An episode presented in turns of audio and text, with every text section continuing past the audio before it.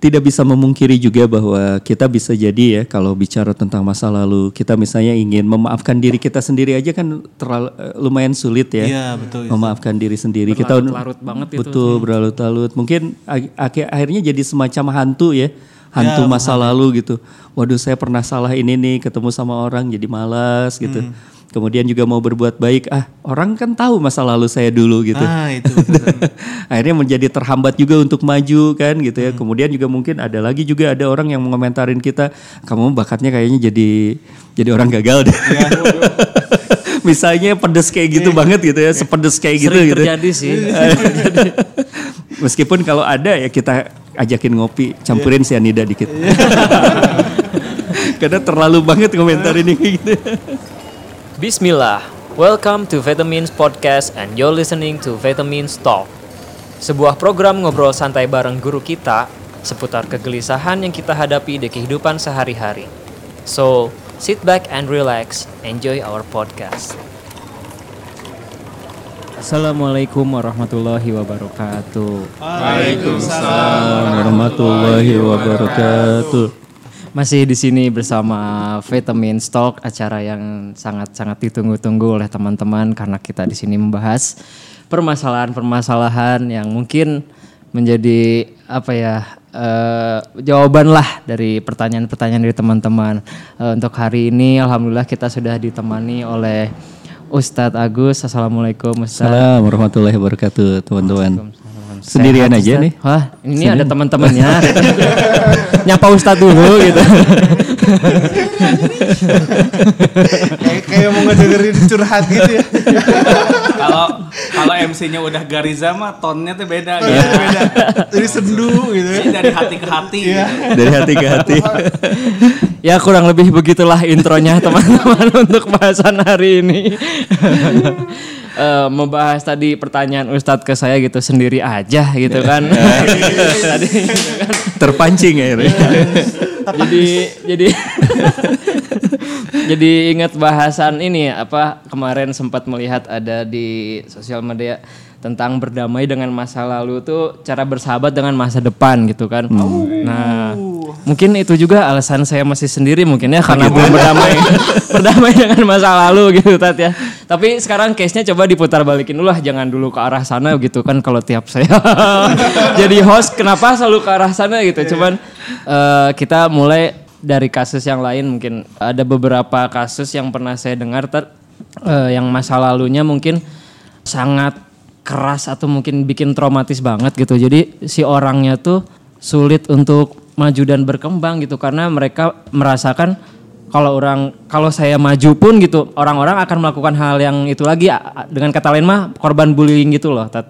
Wah. Gimana ya? Kalau Ustadz menurut Ustadz eh, apakah ada tanggapan dan caranya gitu buat mengobatin teman-teman yang kayak gitu gitu. Mungkin ada yang ketahan karena punya pola pikir seperti itu. Iya, kan kalau kita bicara di ini ya di eh, siroh sendiri, kita kembalinya mending ke siroh ya, karena generasi ideal kan, generasi ideal, lebih netral juga ya bahasnya.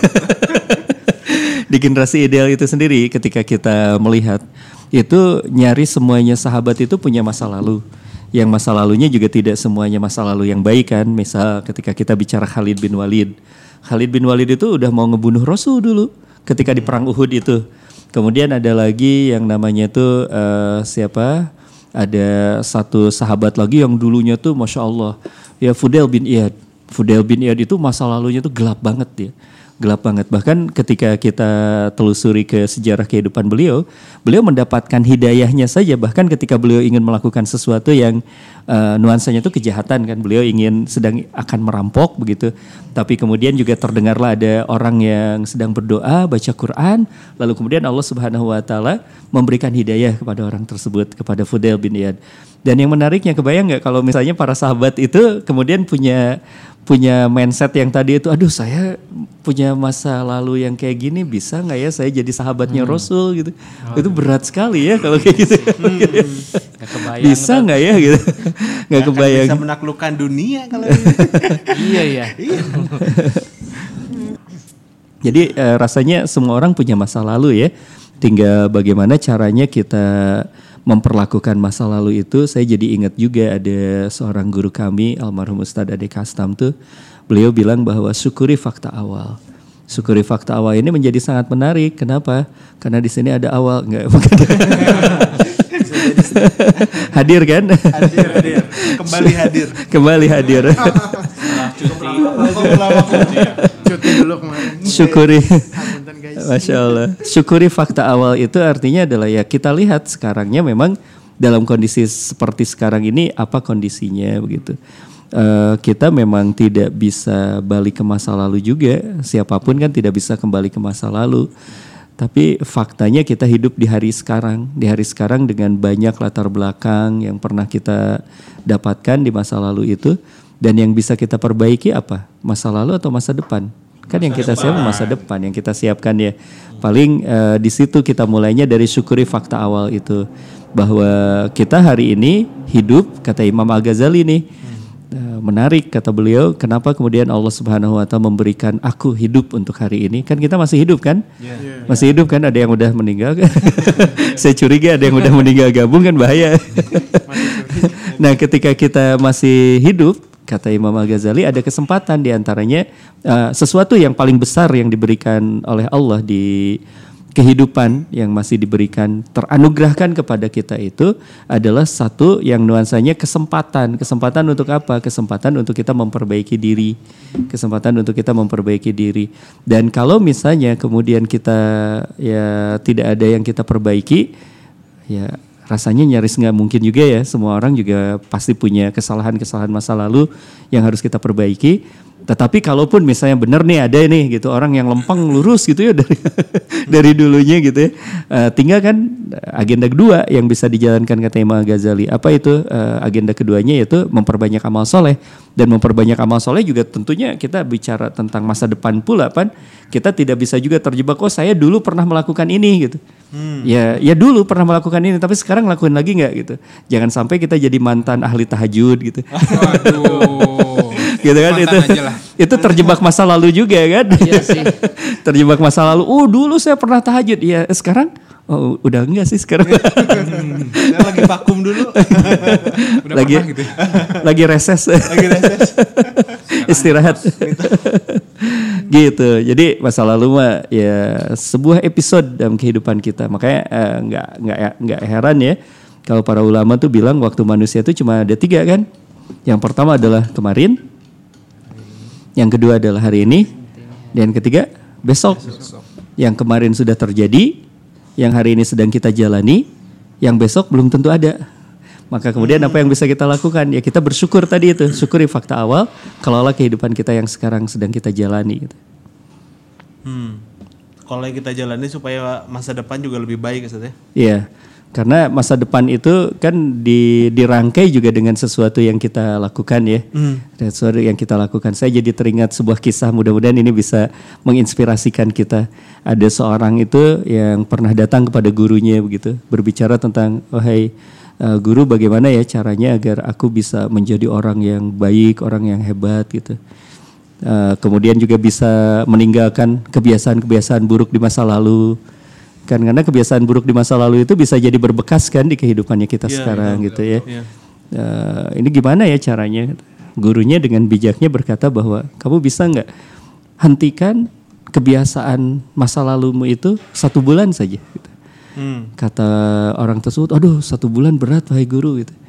Ya kalau seperti itu seminggu bisa nggak? Wah masih berat juga. Tiga hari, oh, masih berat juga. Satu hari, oh masih berat juga. Kalau seperti itu satu jam bisa nggak?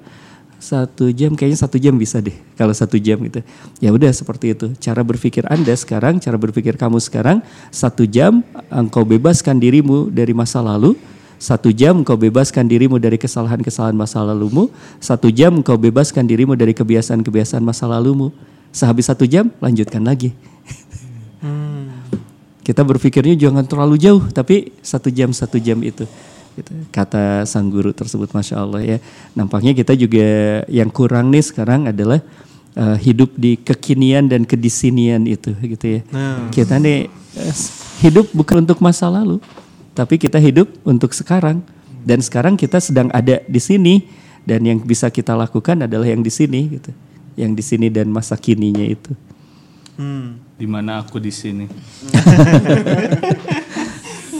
Kayaknya lagu itu. Berarti kalau ngobrolin tadi Seth, eh, tentang perbaikan tadi dimulai dari satu jam. Jadi kalau pada konteks kita sedang berusaha memperbaiki diri, ada faktor kebe- ke- kebertahapan gitu Seth ya? Ada faktor kebertahapan. Kita memang tidak tidak bisa memungkiri juga bahwa kita bisa jadi ya kalau bicara tentang masa lalu kita misalnya ingin memaafkan diri kita sendiri aja kan terlalu eh, lumayan sulit ya. Iya betul. memaafkan diri sendiri kita Berlarut-larut banget itu. betul berlarut-larut mungkin akhirnya jadi semacam hantu ya hantu masa lalu gitu waduh saya pernah salah ini nih ketemu sama orang jadi malas gitu kemudian juga mau berbuat baik ah orang kan tahu masa lalu saya dulu gitu. Ah itu. akhirnya menjadi terhambat juga untuk maju kan gitu ya. Kemudian juga mungkin ada lagi juga ada orang yang mengomentarin kita kamu bakatnya kayaknya jadi jadi orang gagal deh. Misalnya pedes kayak gitu banget gitu ya sepedes kayak gitu Sering gitu. terjadi sih. Meskipun kalau ada ya kita ajakin ngopi, campurin sianida dikit. Karena terlalu banget komentar ini. Gitu. Eh, mungkin mungkin terjadi hal yang semacam itu kan ya. Hal-hal yang pernah terjadi di masa lalu itu. Dan sekali lagi kita tidak bisa juga untuk ya untuk kembali ke masa lalu kemudian nahan gitu orang eh jangan ngomong kayak gitu ya nanti saya trauma. Kan nggak bisa juga ya. Maka eh, memang tidak bisa dipungkiri juga kita tidak tidak mudah untuk eh, menghapus itu semuanya. Kita perlu waktu untuk itu semuanya gitu. Tapi kalau kita bicara tentang perlu waktu itu ya kita tinggal niatkan kita niatkan dan pelan-pelan mungkin kita lupakan. Kita pelan-pelan lupakan. Kemudian juga eh, kalau saya sendiri saya ingin mengajak teman-teman untuk mentadaburi satu ayat. Yang satu ayat ini mudah-mudahan bisa menjadi sebuah cara untuk kita berdamai dengan masa lalu, gitu ya. Di surat Al-Baqarah ayat ke-216 itu ada satu ayat yang sangat luar biasa. Memang kalau secara teksnya itu ayat tentang perang ya. Tapi kemudian eh, ada satu esensi dari ayat itu di mana kemudian meskipun ayat ini berbicara perang awalnya, kutiba alaikumul qital wa huwa kurhul lakum, diwajibkan atas kamu berperang padahal itu tidak menyenangkan bagimu. Ya tidak menyenangkan bagimu, tapi kemudian satu teks ayat yang berikutnya disampaikanlah oleh Allah di dalam ayat tersebut wa asa antakrahu syai'a wa huwa khairul lakum. Tetapi boleh jadi kamu tidak menyenangi sesuatu padahal itu baik bagimu, kata Allah gitu. Bisa jadi kita tidak suka sesuatu tapi khairul lakum wa asa antuhibu syai'a wa huwa syarrul lakum. Uh, kita juga boleh jadi tuh menyukai sesuatu tetapi kata Allah itu tidak baik bagimu. Nah, kata kuncinya di justru di ujung ayatnya itu wallahu ya'lamu wa antum la ta'lamun. Bahwa kata Allah di sana Allah mengetahui sedangkan kamu tidak mengetahui. Nah, kenapa kemudian tadi kita terluka di masa lalu? Kenapa kemudian juga kita merasa ada sesuatu yang salah di masa lalu? Kan kita sebenarnya kalau bicara tentang kesalahan-kesalahan atau yang kita anggap salah di masa lalu itu, berarti kan kita sebenarnya menginginkan bukan yang itu ya, yang terjadinya gitu ya. Kita kan menginginnya ini, ternyata didapatkan itu. Kita menginginkan A, dapatnya Z gitu ya. Jauh banget kan A, Z gitu. Kalau A, B mah rada tipis lah, gampang lah gitu. Jadi pengen A atau Z. Dari A ke Z gitu Bisa ya. Z ya. jauh tuh ya, terlalu jauh gitu menurut kita. Padahal kata Allah di dalam ayat itu kena tuh bahwa bisa jadi kita ini menginginkan sesuatu padahal itu buruk bagimu. Bisa jadi kita ini men- me- tidak suka tentang sesuatu itu adalah kita sebenarnya itu baik bagimu. Nah, di sini ada sebuah kalimat yang penting itu Allah mengetahui sedangkan kamu tidak mengetahui. Di sinilah berarti kita mulai berdamai itu dengan mengembalikan kepada asma Allah Al-Alim. Apa itu Al-Alim? Allah Maha tahu. Allah Maha tahu. Allah Maha tahu apa yang paling baik. Kemudian juga kita kenalkan yang sering kita bincangkan tuh, sering kita obrolkan di podcast kita juga bahwa Allah itu kan Maha Cinta. Allah tuh eh, Al-Wadud. Allah itu Ar-Rahman Ar-Rahim. Dan Ar-Rahman Ar-Rahim itu bersanding dengan Al-Alim. Bayangkan ini. Allah itu Ar-Rahman Ar-Rahim. Kan kita kalau ngawalin sesuatu kita di apa? dianjurkan ya, ya. disunahkan untuk bicara basmalah bismillahirrahmanirrahim itu tuh mengingatkan bahwa Allah itu sangat mencintai kita gitu Allah tuh sangat cinta kepada kita Ar-Rahman, Ar-Rahim. Dan Ar-Rahman, Ar-Rahimnya itu kalau dihubungkan dengan Al-Alim itu, maka Allah tahu caranya bagaimana mencintai manusia gitu. Allah tahu caranya bagaimana Allah itu memberikan yang paling baik untuk kita. Cuma kadang-kadang tadi itu eh, kita terjebak pada sebuah mindset kebahagiaan menurut kita gitu. mindset eh, sesuatu berhasil teh pokoknya mah versinya Standarnya. standarnya tuh kayak gitu gitu. Padahal belum tentu gitu, belum tentu nanti itu bisa menjadi bahagia buat kita gitu ya. Nah, eh, berarti cara step pertamanya kalau mau berdamai dengan masa lalu itu ya kita kembalikan dulu tadi itu. Kita ini kan eh, bahasanya mungkin lebih sederhananya sadar posisi, kembali ke posisi gitu ya. Hmm, kembali ke posisi semula. kembali ke posisi semula. Restart your life gitu. Bagaimana caranya restartnya? Balik lagi ke posisi kita. Kita tuh siapa sih gitu ya? Kan kita tuh makhluk. Kita tuh makhluk. Makhluk itu yang diciptakan. Dan kemudian juga eh, kita pun menyebut Allah itu al khaliq al khaliq itu adalah yang menciptakan. Dan kemudian juga kita sering menyebut Allah itu sebagai Rob Siapa itu Rob? Yaitu yang mengatur, mengurus kehidupan kita. Dan ketika Allah mengatur dan mengurus berarti kita yang diurus. Kita yang diatur. Dan ingat bahwa Allah tadi itu mengurus kita, mengatur kita itu dengan kasih sayangnya. Allah pilihkan yang paling baik buat kita. Cuma kadang-kadang kalau Allah ingin memberikan kebaikan kepada kita, analoginya kayak hujan. Hujan baik kan? Ya, Hujan baik ya berkah. berkah buat kita. Bumi ini kalau nggak ada hujan kan juga tidak bisa ditinggali ya. Meskipun apa planet Mars itu mirip katanya mirip bumi, kenapa tidak bisa ditinggali karena nggak ada air kan salah satunya nggak ada hujan kan. Kalau misalnya hujan ada uh, ada hujan, ada air, barangkali kita sudah lama-lama uh, sudah mulai kafling tanah di Mars ya. Ada yang mau bikin apartemen mungkin di Mars gitu. Iya, atau bikin kos-kosan kayaknya laku deh di sini bikin kos-kosan. bikin kos-kosan di sana kalau ada hujan. Tapi kan nggak ada hujan. Tapi eh, yang menariknya adalah Allah kadang-kadang ketika mengirimkan hujan yang sangat bermanfaat untuk kita itu disertai sama petir kan. Kadang-kadang ada hujan petir ya. Dan kita tuh nggak suka dengan petirnya itu, nggak suka dengan angin ributnya. Tapi esensinya apa? Tetap air kok. Itu tetap hujan. Kadang-kadang kita lupa dengan cara itu. Eh, Allah kerap kali memberikan sesuatu yang menurut persepsi kita nggak cocok deh ini kayaknya gitu. Tapi ya esensinya tetap sebenarnya adalah pemberian Allah. Makanya di sini kita mengingatkan diri kita jangan lihat eh, apa yang diberikannya, tapi lihat siapa yang memberikannya. Yang memberikannya siapa Allah. Yang memberikannya adalah yang sangat mencintai kita, pasti akan memilihkan yang terbaik untuk kita. Ih, Begitu, masya Allah. Itu tuh kalau apa sih pemikiran kita kan pada saat kita ngomongin masa lalu kadang-kadang kita jadi over overthinking gitu Seth. jadi nggak bisa tidur gitu karena aduh harusnya dulu begini harusnya dulu begitu harusnya dulu begitu nah pada saat muncul eh, tadi pemahaman misalnya dari teman bahwa ini tuh kan Allah tuh memberikan begitu begini begitu begini gitu muncul ada pertanyaan di kepala kan tidak apa pun yang terjadi dalam hidup kita tuh semua pasti atas kehendaknya Allah gitu. Betul. Nah, kadang-kadang suka muncul gini Ustaz.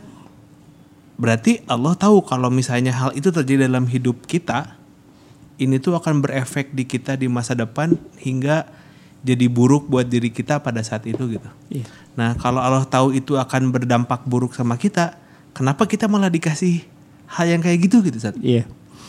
Ada satu ayat yang sering kita jadikan zikir ya. La yukallifullahu nafsan illa wus'aha. 'Alaiha maktasabat dan seterusnya ya. Kita sering menjadikan itu sebagai zikir pagi dan zikir sore kita. Dan itu mengingatkan kepada kita la yukallifullahu nafsan illa wus'aha bahwa Allah itu tidak mungkin memberikan beban kepada manusia, kan kita manusia ya. kepada seseorang itu kecuali sekedar kesanggupannya pasti sanggup. Nah, yang menjadi sebuah persoalan adalah kenapa ada orang yang tadi ketika sudah diukur nih sama Allah, tapi kemudian ternyata dia malah nggak sanggup menghadapi itu. Eh, dan Allah tahu ketidaksanggupannya itu barangkali ya. Uh, dan itu merupakan satu hal yang memang Allah kan tadi al alim Allah maha tahu tentang segalanya. Iya, Cuma yang jadi persoalan adalah yang perlu untuk kita luruskan juga bahwa ada yang namanya tuh irodah nafsiyah kan di dalam sebuah bahasan tazkiyatun nufus itu. Artinya adalah kehendak bebasnya manusia kehendak bebasnya manusia. Ini yang uh, justru akan dihisab di sana. Bahwa rumusnya tetaplah yukallifullahu nafsan illa wus'aha. Allah itu kalau memberikan beban itu pasti sudah diukur oleh Allah. Cuma manusianya itu ketika dia dikasih beban misalnya dikasih beban dia sebenarnya sudah diukur oleh Allah mampu tapi dia melemahkan dirinya sendiri itu melemahkan dirinya sendiri dengan Mindset berarti ya? mindset melemahkan dirinya sendiri kan kayak eh, sebenarnya itu sudah terukur tapi karena dia melemahkan dirinya sendiri dengan mungkin dengan banyak faktor ya dengan banyak faktor entah itu input entah itu masa lalunya yang masa lalunya lagi gitu Iya. ya atau mungkin juga dari lingkungannya dari segala macam kan dia bisa terpengaruh tuh dengan hal itu yang akhirnya membuat dia lemah padahal kalau dihadapi itu dia bisa juga sebenarnya gitu. Dia bisa juga karena Allah tidak mungkin salah kan ketika Allah sudah mengatakan itu. Ini jaminan dari Allah, garansi dari Allah la yukallifullahu nafsan illa wus'aha. Ini garansi, ini bagian dari akidah kita gitu. Pasti itu. Pasti itu mah. Jadi yang jadi persoalan adalah kita yang melemahkan diri kita gitu. Kita yang melemahkan diri kita. Kayak cerita lagi. Sekarang banyak cerita aja. Kayak gini nih ceritanya tuh. Kalau di kelas-kelas motivasi itu sering disampaikan kan. Ada eh, gajah ditangkap dari dari hutan belantara. Tangkap dari hutan belantara, memberontak dia. Lalu karena memberontak diikatlah pakai eh, rantai yang kuat, dia kemudian dipancangkan ke besi yang juga sangat kuat begitu. Sehingga ketika dia memberontak itu dia nggak bisa, dia nggak bisa, dia nggak bisa, dia nggak bisa, dia nggak bisa, dia nggak bisa gitu memberontak itu. Nah sampai kemudian dia memutuskan untuk menyerah. Dia memutuskan untuk menyerah dan orang yang menangkap itu menggantilah yang namanya ikatan rantainya itu dengan eh, tali rafia gitu, tali plastik itu. Ketika dia melihat tali plastik, dia mengatakan, oh saya sudah mencoba dan saya nggak mampu kemarin. Oh, Oke. Padahal itu sebenarnya adalah tali rafia yang sebenarnya kalau dia bisa dobrak tali rafia pasti akan kemudian juga putus gitu. Cuma ada sebuah mindset masa lalu yang dia berkata aku dulu pernah dan aku gagal. Padahal itu bukan ending dari kehidupannya dia kan dia belum mati gitu. Dia belum mati. Dan kita juga sering kali itu terjebak seperti itu. Saya pernah melakukan ini kok. Saya, aduh nggak bisa, ah gimana ya? Gitu, nggak bisa. Lah. Mau mau mau. kayaknya nggak nggak takdir nggak takdir deh. Belum tentu gitu ya. Eh, kita bisa juga kan berkata misalnya engkau adalah kemustahilan yang aku sugankan. Weh ya gitu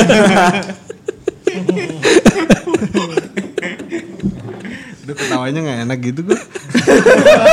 dalam gitu ya. Udah berapa kali doa kayak gitu? ya Allah please ini mah ya. Kemustahilan yang disugankan Yang disugankan ya. weh lah gitu gitu Kalau Iya. saya dulu pernah nulis di eh, apa itu teh sticky note gitu Ya. di kamar di meja kerja. Someday everything will be possible again. Cie. Dan itu teh terjadi gitu, terjadi itu teh gitu. Kayak yang dulu saya khawatirkan, saya ah segala tuh mungkin ternyata nyampe juga gitu. Apa ini apa? Ya begitu.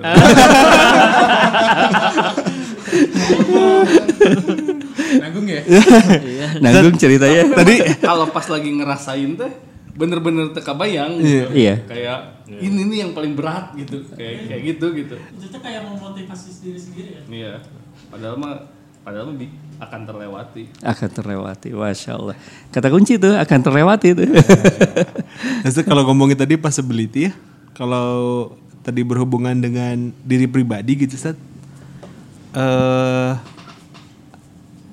Allah tuh maafin semua kesalahan kita nggak sih Tat? Apakah pintu maaf itu akan selalu ada, Iya. akan selalu terbuka gitu Sat? Karena kadang-kadang diri sendiri suka, wah saya mah sudah berumuran dosa gitu. Allah mau maafkan nggak ya gitu? Iya. Itu yang kadang-kadang kan menjadi gandolan paling besar ya Iya, untuk menjadi orang baik, untuk menjadi orang yang lebih maju lagi gitu. Ah, saya mau udah ya, melakukan kesalahan fatal nih, udahlah gitu. Tapi sebenarnya Allah Subhanahu wa taala kan menjanjikan di dalam Al-Qur'an itu innallaha yaghfiru dzunuba jami'a. Sesungguhnya kata Allah aku mengampuni dosa seluruhnya. Masya Allah. Itu jaminan dari Allah seluruhnya. Uh, apa tandanya? Selama kemudian juga Allah masih memberikan nafas untuk kita hari ini, berarti ada kemungkinan kita masih diberikan kesempatan untuk diterima tobat kita.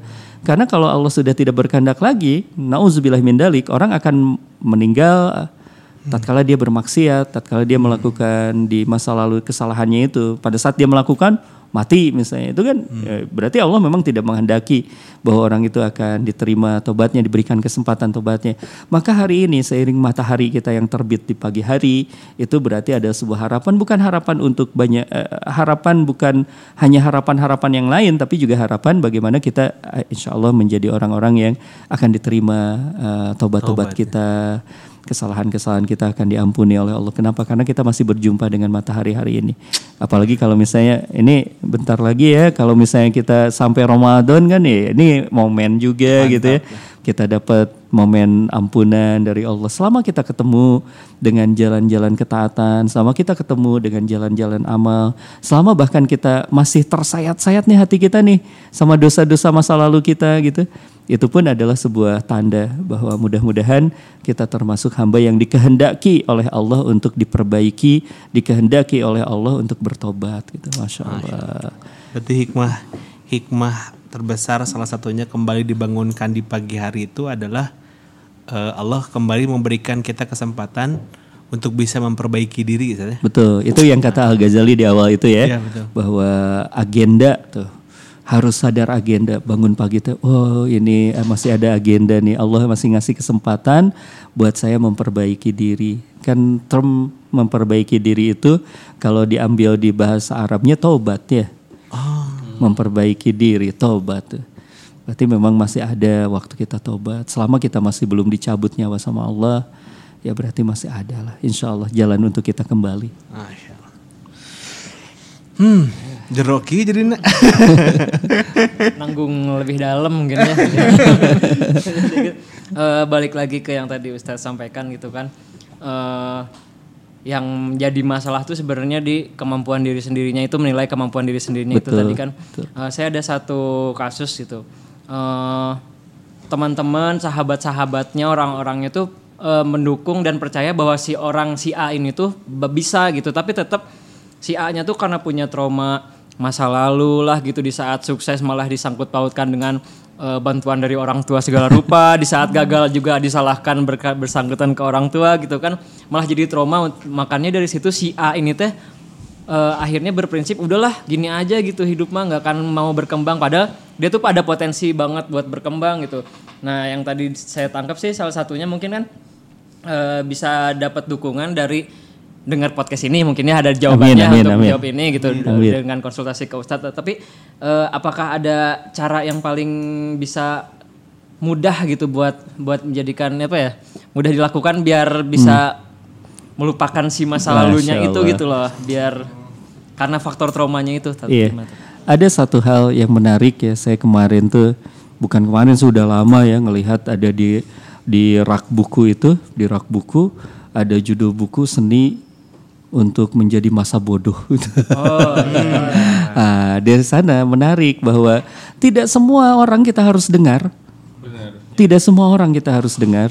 Tidak semua orang kita harus hiraukan. Ada saatnya kemudian kita bersikap masa bodoh, cuek lah dengan dengan mereka, nggak usah didengar gitu. Da, kalau misalnya kita uh, terlalu banyak mendengar orang juga ya uh, pada pada pada dosis dosis yang norm, uh, dosis yang proporsional, kita disahkan juga untuk berpikir orang lain tuh gak ada urusannya sama saya. Gitu. orang lain gak ada urusan sama sekali dengan saya. Cuman di ujung mulut hmm. doang. Bahasanya mah komola muntu udunan. Gitu. nah itu lebih itu lagi lebih dramatis lagi. Saya sebenarnya pengen nyampe ke sana tapi gak tega toh kehidupan saya saya yang jalani, saya yang biayai, saya yang hidupnya gitu. Anda nggak paham tentang bagaimana saya jatuh bangun dan seterusnya. Yang paham itu adalah saya. Ada saatnya kita perlu untuk hal yang semacam itu. Eh, kenapa? Karena eh, ya cerita lagi, cerita lagi. Hari ini banyak cerita deh. ada cerita, ada cerita balap balap ini balap balap lari antara pasukan kodok. pasukan kodok jangan ada yang tersinggung. pasukan kodok dia lari ya ada lari. Wah semua orang tuh berlari. Eh semua orang semua kodok berlari. Kan ceritanya kodok ya. Kodok itu lari lari lari lari lari. Ada satu kodok yang larinya tuh kenceng banget. Lompatnya tuh kenceng banget lompatnya kenceng banget lompatnya kenceng banget. Sampai kemudian dia dia sampai ke finishnya itu orang lain tuh tepuk tangan. Dia, dia tetap aja lompat ngelanjutin gitu. Malah dia ngelewatin garis finishnya. Dan akhirnya ditangkap lah sama si panitianya itu panitia kodoknya itu panitia kodoknya itu. tangkap eh itu udah nyampe. Oh, udah nyampe. Akhirnya di ditangkap kemudian diwawancarai. Ternyata diwawancarai juga nggak mudeng dia. Ternyata kenapa si pas diperiksa kenapa nih nih diwawancarain? Dia nggak kelihatan antusias kemudian diwawancarain juga dia nggak jawabnya. Nggak mau jawab gitu. Ternyata kodoknya itu tuli gitu. Kodoknya tuh nggak denger apa-apa gitu. Ternyata itu faktor kemenangan dia di dalam sebuah perlombaan gitu. karena dia tidak terganggu hiruk pikuknya itu. Yang dia pikirkan adalah dia moving forward gitu ya. Dia eh, berlari dia lompat gitu.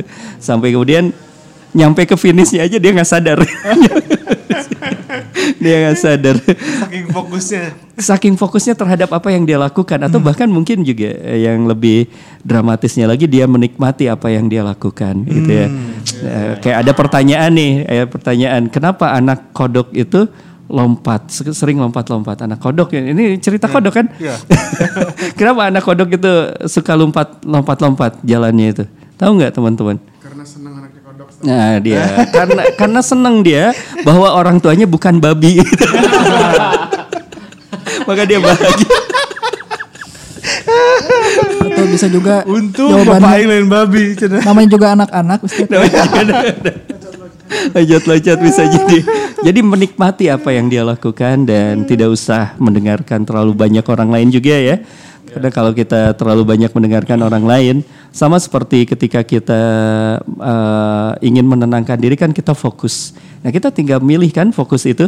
Kayak di ruangan ini nih, di ruangan ini kan banyak sekali suara. Di luar ini juga banyak sekali suara. Tapi karena kita tidak mau tidak memfokuskan pikiran kita pada apa yang ada di luar itu, maka kemudian kita hanya mendengar apa yang ada di sini. Padahal di sana banyak sekali suara-suara yang lain yang sebenarnya juga lewat kan tadi gitu. Bisa jadi di luar itu lebih riuh daripada di sini. Betul bisa jadi. Gitu. Ustaz, ini ada sedikit nge-twist nih Ustaz. Kalau tadi kita bicara tentang eh apa yang kita lakukan oleh diri kita sendiri di masa lalu. Tapi yang kalau menurut saya pribadi yang agak lebih sulit tuh memaafkan apa yang sudah orang lain lakukan terhadap diri kita di masa lalu. Iya. Itu apa ya? Lebih lebih lebih traumatik gitu. Lebih Ustaz. traumatik. Iya. Bagaimana cara memaafkan orang lain gitu Zat? Iya. Masya Allah. Itu jadi seperti sedang bercermin saya sendiri.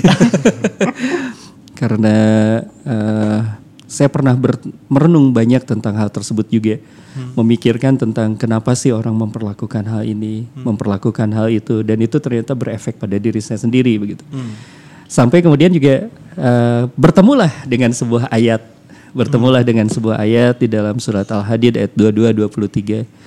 Di sana eh, berbicara intinya adalah bicara tentang takdir, bicara tentang takdir. Yakini kalau kita bicara tentang takdir ini bahwa Allah itu tidak pernah diam dengan kehidupan manusia. Eh, poin ya, poin pertama ya. Allah tidak pernah diam dengan kehidupan manusia. Satu. Sehingga kemudian kadang eh, perlu untuk kita pahami bahwa ketika misalnya ada orang lain tuh ada orang lain menyakiti menyakiti kita gitu ya menyakiti kita itu jangan di- dilupakan bahwa itu pun ada campur tangan Allah untuk terjadinya kejadian itu dan pasti ada hikmah pasti ada maksud dari itu semuanya. Pasti ada hikmah. Kayak gini misalnya eh, kita ingin nggak ditemanin ditemani terus sama Allah menjadi kekasihnya Allah gitu? Iya, ingin kan ya kita ya? Kata Allah innallaha ma'as sabirin. Sesungguhnya Allah bersama dengan orang-orang yang sabar. Bagaimana caranya kita mengukur kesabaran kita kalau tidak ada masalah yang didatangkan oleh Allah kepada kita? Nggak bisa kita. Di situ saya merenung banyak sekali. Bahkan bisa jadi ketika ada orang-orang yang menurut kita tuh menyakiti, itu bahasa kasih sayang dari Allah. Karena dengan ketika kita disakiti, lalu kemudian kita memilih bersabar dan memaafkan, maka di sanalah kemudian kita menjadi dapat jalan untuk ditemenin sama Allah, ditolong sama Allah gitu. Kemudian kita menjadi lapang gitu ya. Sampai ada sebuah nasihat dari salah satu guru kami itu Masya Allah beliau berkata seperti ini kan Antum ingin gak menjadi orang yang dicintai sama Allah Ingat ya ada rumus dicintai oleh Allah itu rumusnya adalah Jika Allah mencintai suatu kaum atau suatu eh, seorang Ibtalahum Allah akan menguji Allah akan menguji dengan hal yang mungkin tidak kita suka gitu. Hal yang mungkin tidak kita suka. Maka untuk itu kata beliau, caranya mari kita coba berlatih Eh, agar kita siap kan kalau misalnya kita berlatih dengan tertimpa sesuatu kan beda mindsetnya. Iya, betul. Iya, iya. kita lari ya udah tahu kita mau lari 4 km kita persiapan mindsetnya kita. Tapi kalau tiba-tiba kita ini, oh nauzubillah sih ada ada anjing gitu ngejar kita. Ternyata kita harus lari 4 km capek juga kan gitu. capek juga. Kenapa? Karena kita tidak persiapan. Maka kata beliau ini ini tipsnya. Eh, silakan mau dicoba atau enggak silakan. Eh, Caranya kata kata beliau cari orang yang paling annoying buat antum, paling mengesalkan buat kita, lalu kemudian berkhidmatlah untuknya. muliakan dia, jadikan dia teman, jadikan dia sahabat dan muliakan dia. Kata saya nggak sanggup. Berat, berat. kela kadinya mah. Karena dari kita sana kita lakuin gak sih kita? Apa? Temenan sama Abut ini.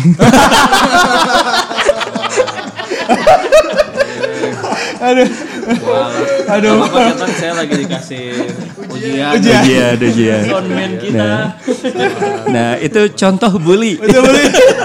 Innallaha ma'as-sabirin. Tapi emang sih kalau misalnya kita lagi ada masalah tuh eh, apa ya? Frekuensi kita ingin dekat sama Allah tuh lebih tinggi gitu. Betul. Kita melakukan segala sesuatu yang bisa mendekatkan diri kepada Allah gitu. Tapi kalau misalnya emang kita lagi dalam keadaan yang settle gitu ya, senang gitu, kayaknya susah gitu. Kadang-kadang jauh ya. Allah jauh bahkan bisa mundur banget gitu. Tapi saya juga di lain itu kalau disuruh balik lagi atau ke masa sulit gitu kan Nggak mau juga. nggak mau juga gitu. Nah itu gimana ya cara memaintenance hati supaya bisa ada dalam keadaan seperti itu terus gitu. Iya. Dalam keadaan apa pun ya. Ya. dalam keadaan apa pun. Makanya tidak semua salah itu buruk kan? Salah itu baik buat Liverpool. Ding dong. betul, betul. Saya no comment kalau Udah komen. Beda klub. Beda, beda pendukung. Beda pendukung. Terakhir nonton Michael Owen kayaknya Berarti udah generasi tua. kalau kita masih muda ya. Jadi yang menarik itu adalah kalau kita bagaimana caranya agar kita menjaga frekuensi eh, hal itu ya biar kita dekat senantiasa. Kalau kita sudah sukses eh, melewati masa-masa sabar, maka bersiaplah dengan sebuah stage berikutnya, step berikutnya yaitu syukur. Nah, itu juga kan ada satu hal yang harus kita ini juga ya. Kan ini juga ujian. Syukur itu adalah ujian juga. Eh, ketika kita dikasih keluangan juga adalah ujian buat kita. Maka untuk itu minta banyak-banyak minta kepada Allah eh, untuk kita bisa dimasukkan juga ke dalam golongan orang-orang yang bersyukur itu. Sama seperti di zamannya Umar bin Khattab ada seorang sahabat doa Allahumma ja'alni minal qalil. Ya Allah jadikan aku masukkan aku ke dalam golongan orang yang sedikit. Ditegur sama Umar. Kenapa kamu berdoa seperti itu? Kata dia kali lama tashkurun. Sedikit sekali orang-orang yang bersyukur. Maka kemudian aku ingin menjadi orang yang sedikit itu. Gitu. Nah ini bisa kita banyakin doa seperti itu. Ada seorang sahabat, ada sahabat yang lain juga dia eh, doanya tuh unik gitu ya. Dia terus terang sama Allah ya Allah kalau saya diuji dengan kesempitan nampaknya saya nggak sanggup ya Allah gitu. Maka untuk itu berikan saya yang banyak aja nikmatnya ya Allah. Gitu. Unik kan ya? Agar saya bisa berlatih bersyukur kepadamu Masya Allah. Boleh tuh diambil tuh doanya. Jadi tapi tetap pada pada termnya akhirnya semuanya kan adalah ujian ya. Semuanya adalah ujian. Nah kesadaran akan hidup kita ini diuji. Diujinya itu dengan kesenangan dan kelapangan kesenangan dan kelapangan. Ini memang pengennya uh, take all. Kesenangan dan lompatan. kesenangan dan kegembiraan, kesenangan dan kesedihan kita diuji dengan kesenangan dan kesedihan atau kesempitan gitu. Ya kesadaran tentang hal inilah yang akan membuat kita uh, senantiasa waspada gitu, senantiasa waspada. Mau cerita lagi ya? boleh Ustaz, boleh. Emang Kalau ada contoh lebih Lebih mudah ya. Lebih- lebih Nih mudah. ada ini, ada perlombaan, ada angin lagi berlomba. Perlombaannya adalah menjatuhkan monyet dari eh, pohon kelapa. Pernah dengar nggak? Wah, ada angin ribut kan, yang pertama angin ribut, wah ditempa itu, wuh, ditiup si monyetnya itu. Karena angin ribut dia malah pelukan ke eh, pohonnya itu, makin keras dia, selamat dia. Kemudian angin eh, apalagi angin agak kencang gitu ya, wah ternyata juga nggak bisa gitu. Datanglah sayalah yang bisa mengalahkan dia. Angin sepoi-sepoi ternyata. Diketawain kan sama angin ribut itu. Wah kamu saya juga nggak bisa ngejatuhin dia. Lihat si angin sepoi-sepoi ini datanglah ke monyet itu dihembuskan pelan pelan pelan Ngantuk. Dan akhirnya apa? Lepas pegangannya, jatuh gitu. Nah, itu sebuah hal analogi buat kita. Kadang-kadang ketika kita ditempa badai, berpegang kuat ke Allah. Pas ditempa angin sepoi-sepoi, lalai kita. Ngantuk kita. Padahal tetap angin itu. Itu ujian kan buat kita gitu. Meskipun kita bukan monyet ya tadi kan cerita monyet. Hanya analogi aja. atau mungkin kita juga bisa melihat diri ini dari angle yang lain gitu. Hmm. Maksudnya kayak saya pernah dengar dari Agim gitu ya. Eh, doanya tuh jangan ya Allah jangan cabut nikmat iman ini. Nah, Itu kan apa ya? Nikmat iman tuh kan sulit untuk didapatkan gitu. Tapi Iya. ketika kita udah mendapatkannya tuh gampang banget lepasnya tuh. Kayak gitu. Kalau Iya. enggak ya mu bermuhasabah tentang apa ya? Betapa sengsaranya diri ini bahwa untuk bisa dekat lagi sama Allah teh sulit gitu padahal dalam keadaan yang Iya. baik-baik saja. Betul. Atau secara aplikasinya begini bahwa kalau kita bicara tentang nikmat iman itu adalah nikmat kesadaran bahwa kita ini bersama dengan Allah di apa pun ya. Kemudian juga nikmat eh, eh, ketika kita bicara tentang iman ini bahwa Allah juga yang tadi mendatangkan yang namanya kesedihan, mendatangkan yang namanya kesenangan untuk kita gitu. Sehingga apa pun kejadiannya kita tidak akan pernah lupa bahwa ada Allah yang senantiasa berada di balik itu semuanya gitu. Sehingga eh, akhirnya kita tidak nunggu tidak nunggu dapat musibah dulu baru dekat sama Allah gitu. Iya iya iya. Karena khawatir nih kalau misalnya nih ya ada di antara teman-teman misalnya muhasabah nih jelang Ramadan kita melakukan muhasabah. Eh ternyata saya mah deket sama Allah teh kalau kena musibah gitu. Nah, gimana kalau bisa tiba-tiba kemudian bukan tiba-tiba sih akhirnya Allah memberikan sebuah ini sebuah keputusan nih ya karena saya mencintaimu wahai manusia gitu wahai wahai fulan maka saya akan berikan musibah bertubi-tubi kan berat ya kalau kayak gitu. Makanya Karena kita hanya itu cara karena hanya itu caranya Orang itu mau dekat Hmm, sama Allah. Betul. Makanya jangan sampai kita termasuk orang yang dekat dengan Allah ketika kita diuji saja, diuji dengan musibah saja gitu. Kita buktikan juga kepada Allah ternyata ketika kita diuji dengan kesenangan pun kita ternyata bisa dekat sama Allah. Makanya kemudian Allah pun akan memperbanyak. Bahkan kemudian kita buktikan nih pas kita dapat sesuatu dari Allah teh makin ngerangsak dekat sama Allah banget gitu ya. Makin syukurnya luar biasa, ibadahnya makin husuk. Kenapa? Karena nggak usah mikirin lagi dapur yang sulit gitu ya misalnya tuh. iya. Pokoknya saya udah bisa konsentrasi ya Allah. Kenapa? Karena urusan-urusan yang selama ini saya khawatir karena udah selesai. Maka saya berpikir tentang ibadah saja.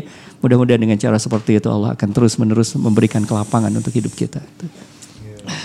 Jadi kalau misalkan dapat yang misalkan dapat misalkan yang asalnya eh, bekerja keras untuk mendapatkan penghasilan lebih atau nafkah dan sibuk gitu dan di saat udah kaya misalkan harusnya waktu luang untuk beribadah lebih banyak Harusnya. Harusnya. Harusnya seperti itu. Di situlah bukti bahwa kita berhasil dengan ujian kelapangan itu. Sekarang kita bukan masalahnya kita dapat atau tidak dapat, tapi apakah kita dengan dapat atau tidak dapat, dengan ada atau tidak ada itu makin dekat nggak kita sama Allah gitu. Urusannya gitu ya, masya Allah. Ustadz eh, mau nanya kalau misalkan berarti bentuk syukur paling eh, terbaik gitu Ustadz ya untuk kita laksanain karena kan ketika kita senang tuh sebenarnya eh, udah mencoba untuk gitu ya kayak misalkan alhamdulillah gitu ataupun hal-hal yang lain yang bersifatnya kebaikan gitu. Nah ada nggak sih hal apa yang sebenarnya harus dilakukan ketika eh, agar sebuah syukur tuh jadi maksimal gitu atau Ah, iya. jadi yang terbaik gitu. Iya. Ada eh, satu hal di apa namanya di surat Al-Alaq ya Allah Subhanahu wa taala mengingatkan kepada kita wasjud waqtarib. Sujud dan mendekatlah eh, kepada Allah atau misalnya ke dalam surat siapa tentang kemenangan itu, surat tentang kemenangan itu An-Nasr itu di sana juga ada satu hal bahwa eh, ketika Allah Subhanahu wa taala memberikan futuh Mekah kepada Rasulullah sallallahu alaihi wasallam malah dimintanya apa tuh?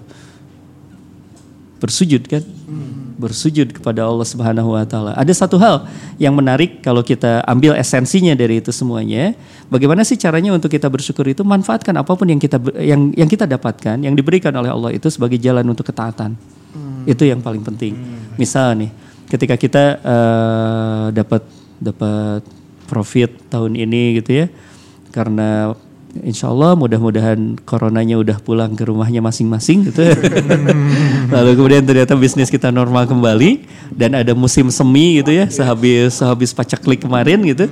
Musim semi ini boom langsung gitu bisnis kita. Lalu kemudian kita hitung eh banyak nih keuntungannya. Lalu kemudian kita berpikir eh dari keuntungan ini eh, mau digunakan untuk apa nih? Semuanya agenda ketaatan misalnya saya mau umroh, misalnya saya mau bantu tetangga yang masih sulit, saya mau mendirikan apa gitu ya pondok tahfiz misalnya dan seterusnya dan seterusnya. Nah itu bentuk rasa syukur. Uh, bentuk rasa syukur dengan amal kita. Jadi bukan hanya sekedar mengucapkan alhamdulillah. Alhamdulillah bisa maksiat deh ya nama ada modal gitu. Bahaya kan itu gitu. itu tidak bersyukur meskipun mengucapkan alhamdulillah gitu karena menggunakan yang didapatkannya malah untuk maksiat. Bisa jadi sebenarnya dia harusnya alhamdulillah nggak punya uang gitu. Kenapa? Karena dengan tidak punya uang nggak ada nggak ada modal buat maksiat dia. Allah alam. Tapi emang kalau bahasan yang saat yang kena saat tadi itu yang ini sih bagian yang bahwa apa yang kita sukai belum tentu Allah suka itu emang udah bikin apa ya mungkin jadi jawaban juga buat teman-teman atau mungkin eh, ya kita kita yang yang masih suka overthinking gitu ya. Yang masih suka kayak gimana andai masa lalunya begini lebih bagus atau eh, atau kondisi sekarang eh, bisa bisa bisa berubah gitu sehingga masa depan bisa lebih lebih ya lebih indah gitu ya. Tapi ket- ketika tadi ada eh, apa namanya hadis hadis itu jadi Ayat-ayat. oh ayat. Jadi lebih lebih yakin bahwa sebenarnya ya tadi sih apa pun yang eh, dikasih Allah tuh emang yang udah terbaik ya. Yang sesuai sama apa yang mungkin yang kita butuhin sekarang gitu ya. Iya. Ada satu hal yang menarik kalau bicara tentang itu tadi ada hubungannya dengan iman sebenarnya.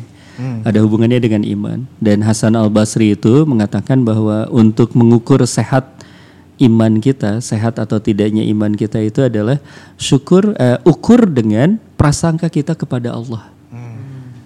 Orang yang imannya baik, dia akan senantiasa berprasangka baik kepada Allah. Jadi apa pun yang terjadi, Itulah ini yang terbaik. Ingat itu ya, teman-teman kan. Apa pun yang terjadi, ini yang terbaik. Masih ingat kan ceritanya ya? Boleh Ustaz coba di Coba cari di YouTube ya. Di YouTube ada kajian awal vitamins yang ada Ustadz Agus Al Muhajirnya yang pertama. ada isi kajian. Apa pun yang terjadi, ini yang terbaik. Masya Allah. Baik, aduh, ini teman-teman semua yang di studio pada melamun semua nih, entah meratapi masa lalunya atau lagi mencoba berdamai dengan diri masing-masing gitu. Atau nungguin, kayaknya nungguin kopi itu. Ah, kopinya kebenaran udah datang. Ya. Gimana nih, mau jadi sponsor nggak kopinya? sebut brand sebut brand oh jangan jangan Baik, terima kasih banyak eh, Ustadz Agus Sami-sami ya. untuk eh, apa ya talk kali ini gitu. Eh, saya dapat banyak banget pencerahan. Gimana nih teman-teman yang lain? Gimana tadi? Aku mau nambahin dikit dong. Oh boleh boleh boleh boleh. Closing lah, closing lah. Closing, Boleh lah, closing, sekalian closing ya. Closing statement. Eh, maksudnya dari semua pengalaman di masa lalu gitu ya. Mungkin akhirnya kita kan harus yang pertama belajar adalah memaafkan diri sendiri kan. Kedua adalah jangan lupa mencintai diri sendiri gitu. Mencintai diri sendiri. Dan pada akhirnya kalau kita bisa mencintai diri sendiri, barulah kita bisa mencintai sekitar kita lebih tulus lagi gitu. Dan pada akhirnya mungkin gini tadi ketika zaman dulu mungkin ketika belum punya ilmunya ngerasa bahwa eh, kita baca di masa lalu tadi yang diingetin yang diingetin itu adalah bukan masalah mungkin dulu kita ngerasa jago gitu tadi ya. Setelah dikasih ujian akhirnya eh, tertampar tuh akhirnya eh, oke ternyata move on tuh bukan karena kita harus move on deh, tapi kita harus percaya ke Allah dengan takdir takdir baik di depannya gitu Ustaz. Dan pada akhirnya eh, saya ngerasa itu adalah saya itu optimis, optimis itu karena bukan saya bisa dan yakin punya ilmunya, tapi bahwa saya yakin bahwa Allah akan memampukan saya untuk bisa melewati masa-masa sulit di kemudian harinya gitu Ustaz. Betul. Gitu. Masya Allah. Dan, dan akhirnya itulah yang saya ambil pelajaran dari masa-masa sulit yang saya rasa kemarin kemarin mungkin berandai dulu kayak gini kayak gini tapi rasanya kalau dulu nggak dikasih ujian kayak gini kayaknya sekarang nggak akan ketemu di hari-hari yang lebih baik seperti hari ini gitu Ustaz. Iya. Gitu. Mungkin kalau dari saya sebagai eh, apa ya nasihat buat diri saya sendiri lah. kalau ada Rianda nyam- nampaknya akan nyambung. Jadi eh, kalau kita angkat beban, kita tiba-tiba diberikan beban tanpa kita siap, itu kemungkinan cedera. Tapi ketika beban itu kita kelola dengan baik, maka itu seperti kita pergi ke tempat fitness. Otot kita akan uh, lebih bagus, vitalitas uh, tubuh kita akan luar biasa, kemudian kita akan sehat juga. Maka kalau kita sadar hidup ini Alladzi khalaqal mauta wal hayata liyabluwakum ayyukum ahsanu amala. Allah menciptakan kehidupan, Allah menciptakan kematian itu, kematian dan kehidupan itu untuk diuji. Uji itu pasti ada beban di situ. Kesadaran kita akan beban ini, kesadaran kita akan ujian, maka kalau di tempat fitness kita sedang melatih otot-otot fisik kita, jadikan sekarang ujian-ujian itu untuk melatih otot kesabaran dan rasa syukur kita gitu ya. Mudah-mudahan nanti sabar kitanya eh, six pack. Amin, amin, amin, Gitu. amin. Karena mau truk. One pack dulu proses proses. on proses, on proses, on proses. Supaya pada ujungnya goalsnya di Al Hadid 23 itu saja. Apa tuh? Ya kita apa namanya tidak terlalu bersedih Nah, itu. untuk hal yang luput dari kita, Betul. tapi juga tidak terlalu gembira pada saat apa yang Allah berikan sama kita. Jadi Betul. lebih sustain gitu. ya. Iya, lagi-lagi kemudian apalagi kalau misalnya dihubungkan dengan dulu kita pernah berbicara tentang mentalitas tukang parkir itu kan ya gitu. Iya betul. Orang yang tidak merasa memiliki tidak akan pernah merasa kehilangan. Orang yang all out menikmati kehidupannya tidak akan pernah merasa tersakiti. Tuh dengerin Ja.